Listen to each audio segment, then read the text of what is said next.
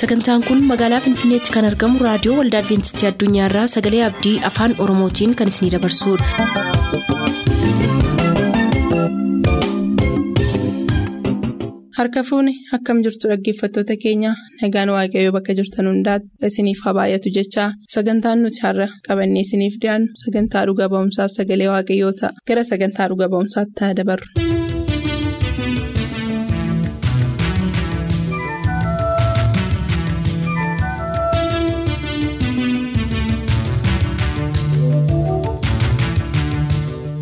Nagaan keenya bakka jirtan hundatti sinaa qaqqabu kun sagantaa dhuga ba'umsaati sagantaa kana jalatti keessummaan keenya obbo Lammeessaan erga kitaabota hedduu dubbisee booda waa'ee sanbataa adda baafachuuf hiriyaasaa kan waldaa adventistii guyyaa torbaffaa ta'e barbaacha gara nama taaddalee qinaatti jedhamu akka deeme nutti himee ture. Yeroo achi ga'ee maalfaa gaafate laata? Walumaan hordofnaa waliin tura.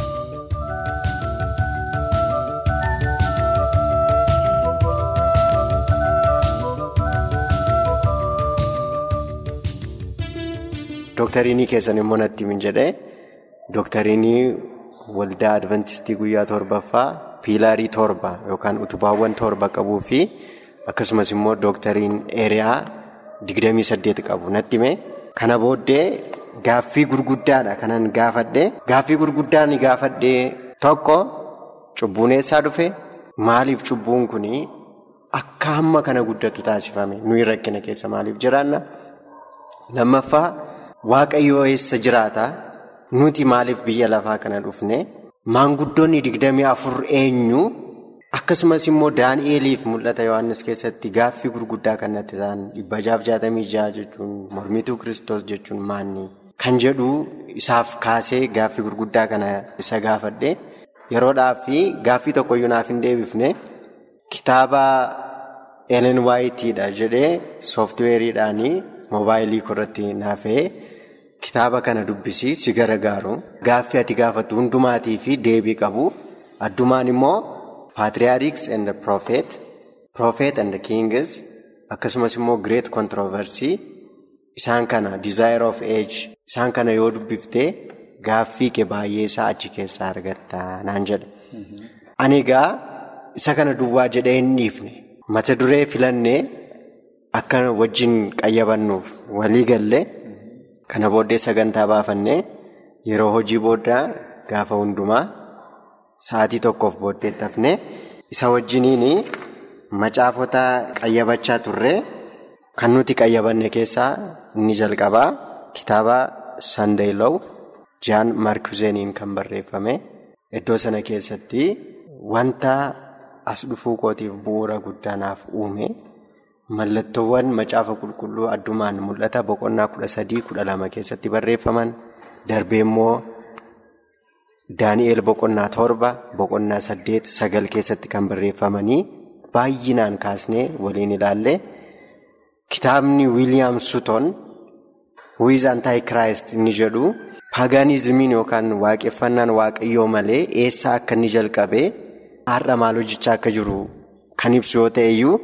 Sandeelowuun immoo addumaan mormituun kiristoos bara kana eenyu akka ta'e bara gidduu galeessaa keessa eenyu akka ture akkamiin maaltu akka ta'e har'a immoo ameerikaan maal akka isheen hojjettu kan sirriitti kaa'ee hubannaa guddaan iddoo sana argadhe akkasumas waa'ee kadhataa waa'ee kennaa hafuura qulqulluu waa'ee sanbataa waa'ee seerota waaqayyoo akkasumas immoo state of dead namni du'ee eessa deema.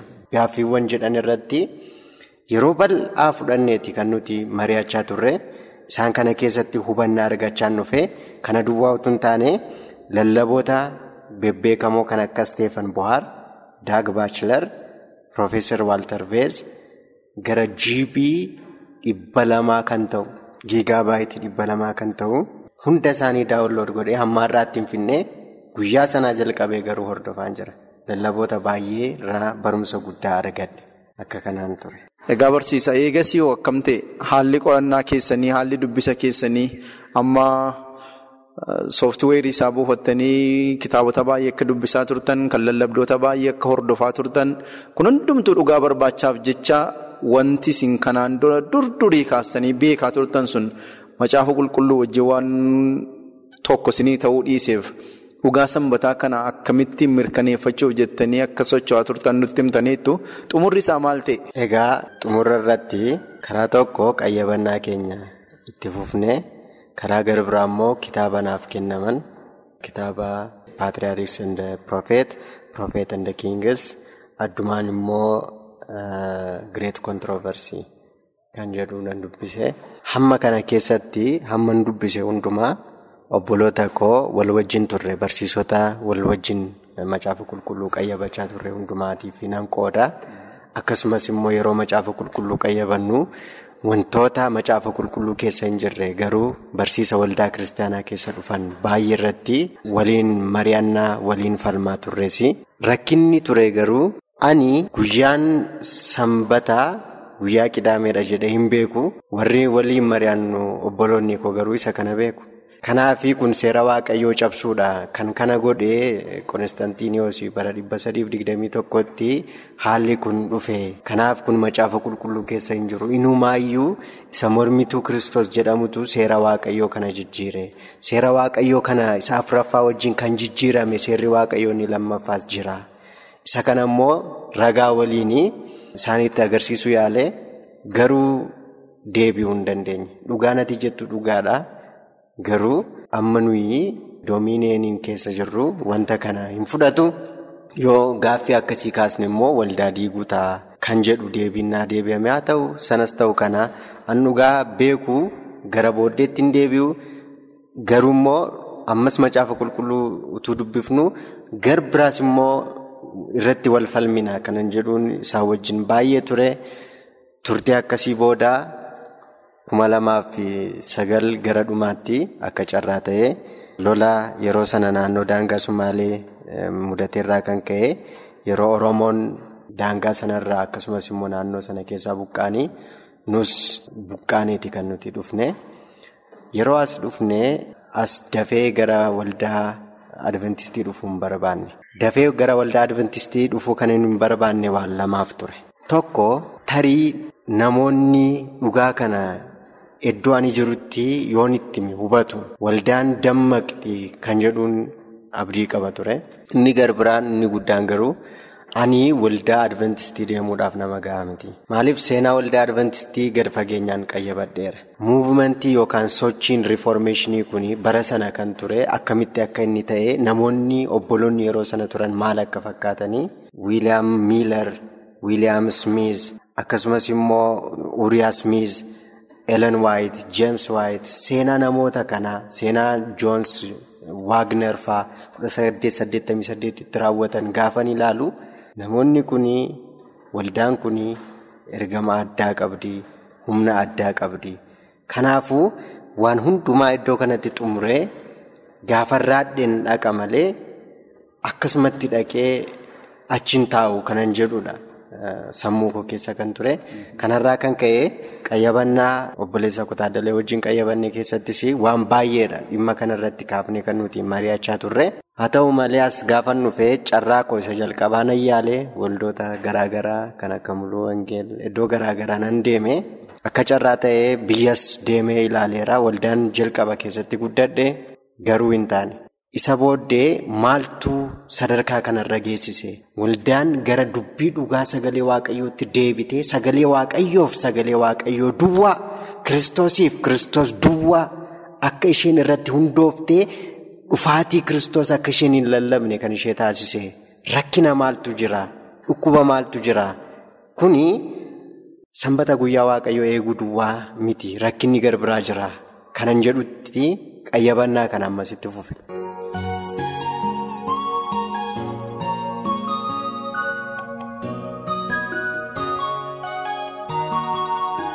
Egaa kabajamoo dhaggeeffatoota keenyaa barsiisaa lammeessaan deebii argatee ramoon arganne kan jedhu kutaa dhuga ba'iisa keenyaa isa hafe keessatti ilaaluuf jirra ammaaf garuu sababa yeroof har'a kana caalaa ittiin fufnu turtiin keessan waaqayyo haa eebbisu nagaan nuuf tura.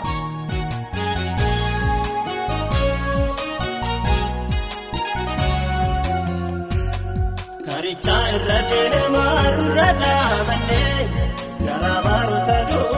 sanii yaadanne yemmuu onni namoota deebisaa qabu kan jaalalli obboloota nama gurguru kan lafaa tanarraattu meedanii gallee har'ammoo sana dhaabnee nu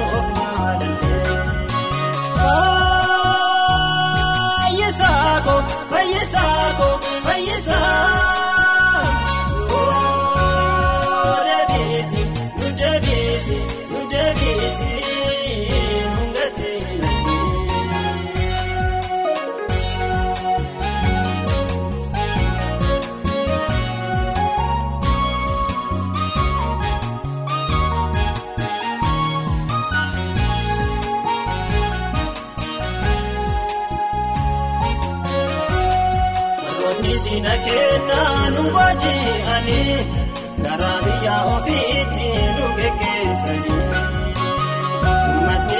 Isaanii waaqan beekanii waaqayyoof sagaduu nus dagacheessanii. Lagoota isaanii san gadi dhaabannee imimmaan dhangalaafne obsuu dandeenye.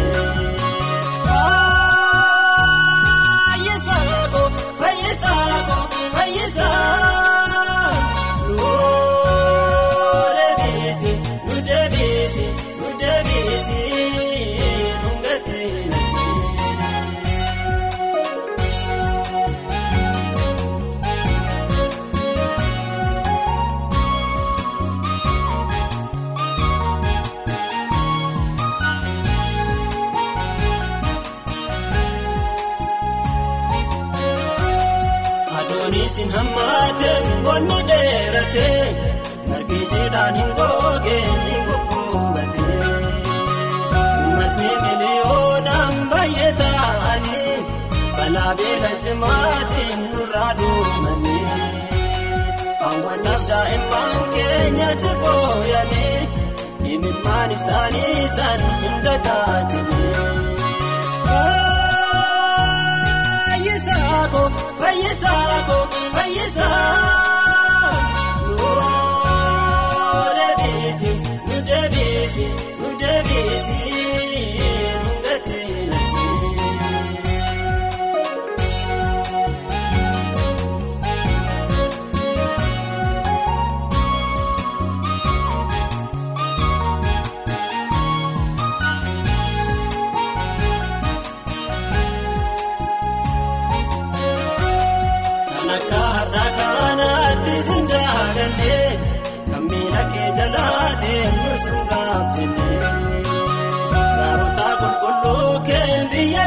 jeellata yaa Yesuus garaan keenya isa eeggata. Kan rakkoon garaagaraa dubarraa tafu barichi jajjabeenya kee dhuunfaa dhufu.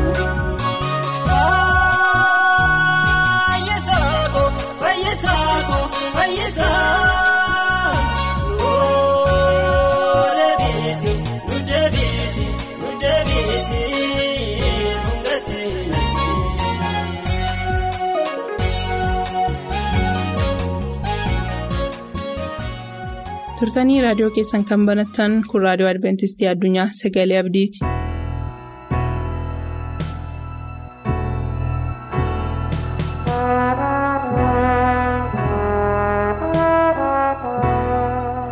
Dhaggeeffattoota dubbii waaqayyoo har'a kan nuuf qopheesse mata dureen isaa kan jedhu guyyaa firdii jedha yookiin guyyaa murtee waaqayyoo gara dubbii kanaatti utuu hin seeniniin afurri qulqulluun akka nu barsiisuuf kadhannaa godhannu.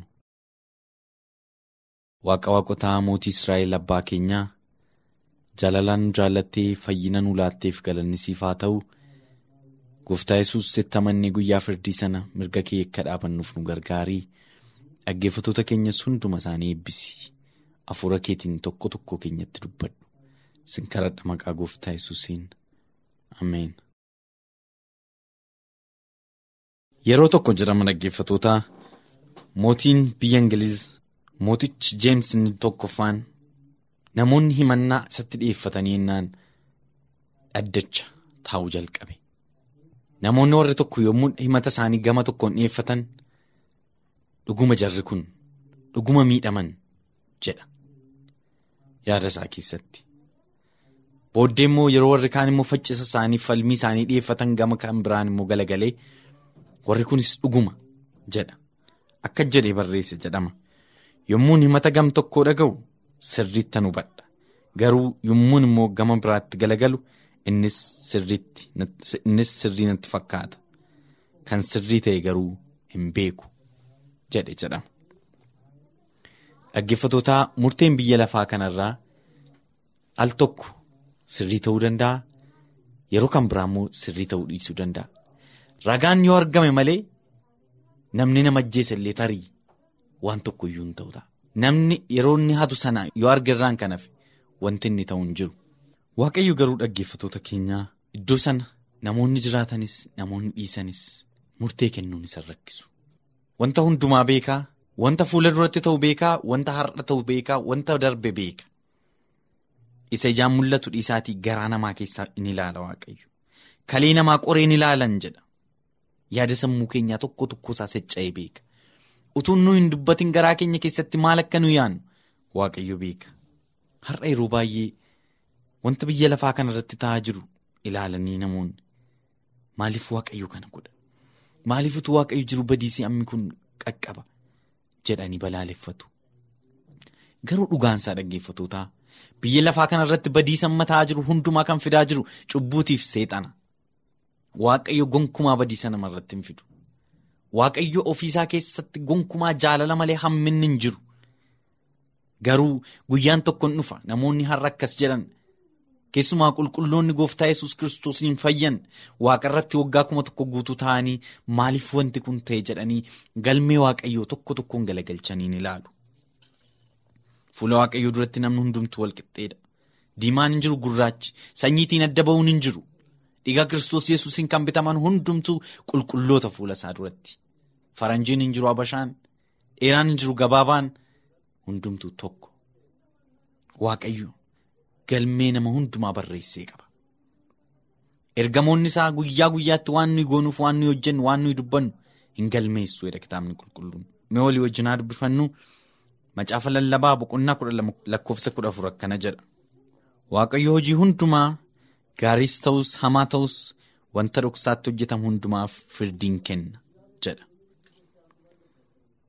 Akkasumas immoo hojii ergamootaa boqonnaa kudha torba lakkoofsa soddomii tokko immoo waa'ima kanaa dubbata. Guyyaatti harka nama uffatee sanaan biyya lafaa irratti qajeeltuttatti faraduuf jedhu muree kaa'eera. Namicha fo'ate sana du'aa kaasuu isaatiin kana nama hundumaaf cimseera jedha. Waaqayyo guyyaa murtii. Muree kaa'eera. Guyyaa foon uffatoonni hundumtuu fuula waaqayyoo dura dhaabbatan muree kaa'eera. Biyya lafaattis waaqayyo kan muru ilma isaa gooftaa yesuusiini. Akkamittiin jettanii gaafachuu hin dandeessu. Tokkoffaan gooftaan keenya yesus kiristoos mootiidha. Isa mataa isaati kan biyya lafaa irratti muru, kan faradu. Garuu gama biraan immoo yeroo ilaaltan waaqayyo abukaattoonni ilmaan namaaf dhaabe gooftaa yesus waan ta'eef karaa isaatiin isa madaalli. Nama hundumaa irratti kan faradamu kan isatti amanan qulqulloota jedhamanii faradamaa fi kan immoo dhiiga isaa tuffatanii irra ejjitanii darban cubbamoota jedhamee itti faradama. Guyyaan firdii murameera. Namni irra darbamu hin jiru. Waamicha gaafa sanaa kan oolus hin jiru. Hundumtuu fuula firdii dura dhaabbatee waan hojjete sana hundumaaf gaaffii deebisa. Qorontoos lammataa boqonnaa shan lakkoofsa kudhan akka jedha. Namni adduma addaan dhagna isaa kanatti utuu jiruu gaaris ta'e hamaas ta'e akkuma hojjetetti waan isaaf ta'u akka argatuuf ni hundumti keenya barcuma firdii kiristoos duratti dhiyaachuuf jirra jira. Yeroo lubbuutiin jiraachaa jiru, yeroo fooniin jiraachaa jiru, yeroo biyya lafaa kanarra deddeebi'aa jiru, waan goonu hundumaa fuula gooftaa keenyaa yesus kiristoos duratti dhiyaannee himuutiif jirra. Waan hojjenne hundumaaf deebii kennuutiif jirra. Sanaaf immoo waaqayyo guyyaa muree kaa'eera. Jaallannis jibbines kiristaana taanis dhiifnes fuula isaa duratti dhiyaachuu ni nafu. Gaafa sana hundumtuu waa'ee ofii isaatii dubbata'edha. Roomee boqonnaa kudha afur lakkoofsa kudha lama immoo. Isiniin dubbisa roomee boqonnaa kudha afur lakkoofsa kudha lama. Kanaafis nu keessaa hundumtuu adda addaan waan godhe sababii isaa wajjin waaqayyotti himuuf jira. Nu keessaa hundumtuu waan godhe hundumaa sababii isaa wajjin waaqayyotti himuuf jira. Guyyaan firdiin sun guyyaan guddaan ilmaan namootaa hundumaa eeggataa jira. Murtee waaqayyoo kan jalaa ba'u hin jiru. Murtee waaqayyoo baqatanii lafatti ba'an hin jiru. Lafti oliiyyannootti dhiyeeffatan hin jiru. Dhaddacha olaanaa guutummaa yuunivarsiitii keessatti kan jiru jiraate fuula waaqayyoo barcuma isaa qulqulluu ergamoota isaa duratti dhiyaatanii deebii kennu. Namni tokkoon tokkoon namaa waan hojjete sanaaf deebii kenna. Garuu murteen waaqayyoo murtee biyya lafaarraa kan adda ittiin ta'u wanta guddaa jira. Innis warri gooftaa yesuusitti amananiif abukaatootu dhaabbata. Abukaatoon sunis gooftaa keenya yesus kiristoos. Yommuu maqaan keenya waamamu warri kiristoos yesuusitti amanne gooftaan ani isa beeka jedha. Kunooti harki koo'edha. Isaaf hin waraaname. Isaaf dhiigni koo lola'e. Isaaf luqqeettiin koo waraaname. Innis immoo kana fudhateera. Innis immoo jaalala koo fudhateera. Garaa isaanaaf kenneera. Anis jireenya isaa keessatti utuu inni fooniin jiru irratti ulfaadheera. Kanaafuu cubbuunsaa hundumaa sababii dhiiga kootiif ani baaseera. Cubbuunsaa hundumtuu ba'eera inni akka qulqulluutti lakkaa'ama jedha. Ergamoonni baay'ee gammadu. Warri fayyan ni ililchuu. Waaqayyo abbaanis yeroo sana gammachuutu fuula isaarraa dubbifama. Yesuusis mo'umsatti dhaga'ama. Gama biraan garuu warri gooftaa yesuusin tuffatan warri fayyina inni qopheesse didan lafti dhaqan hin jiru. Qofaa isaanii ofii isaaniitiif dhaabbatanii deebii kennu.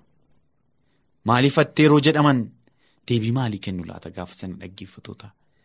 Maaliif abaluu namatti yeroo jedhaman deebii maalii kennu laata? Maaliif abaluun ajjeefte yeroo jedhaman deebii maalii kennu laata? Qofaa isaanii akka nama qullaa ta'e namoota baay'ee keessa dhaabatu ta'u. Fuulli Waaqayyoo akka aduu saafaa ifa. Akka abidda saafaas nama guba. Garuu warra ayyaana gooftaa yesuus uffatan gaafa sana qabbana qabu. Gaafa sana waan yaadda'an hin qaban nagaa qaba garaan isaanii. Dhaggeeffatootaa Waaqayyo calluma jedhee biyya lafaa irratti muru. Waan hundumaa galmeessa. Waan hundumtuu galmeetiin ta'a. Waaqayyo akkamittiin galmee namaa ilaalee akkamittiin akka inni namatti muru sagantaa keenya sattaanutti wajjin ilaalla.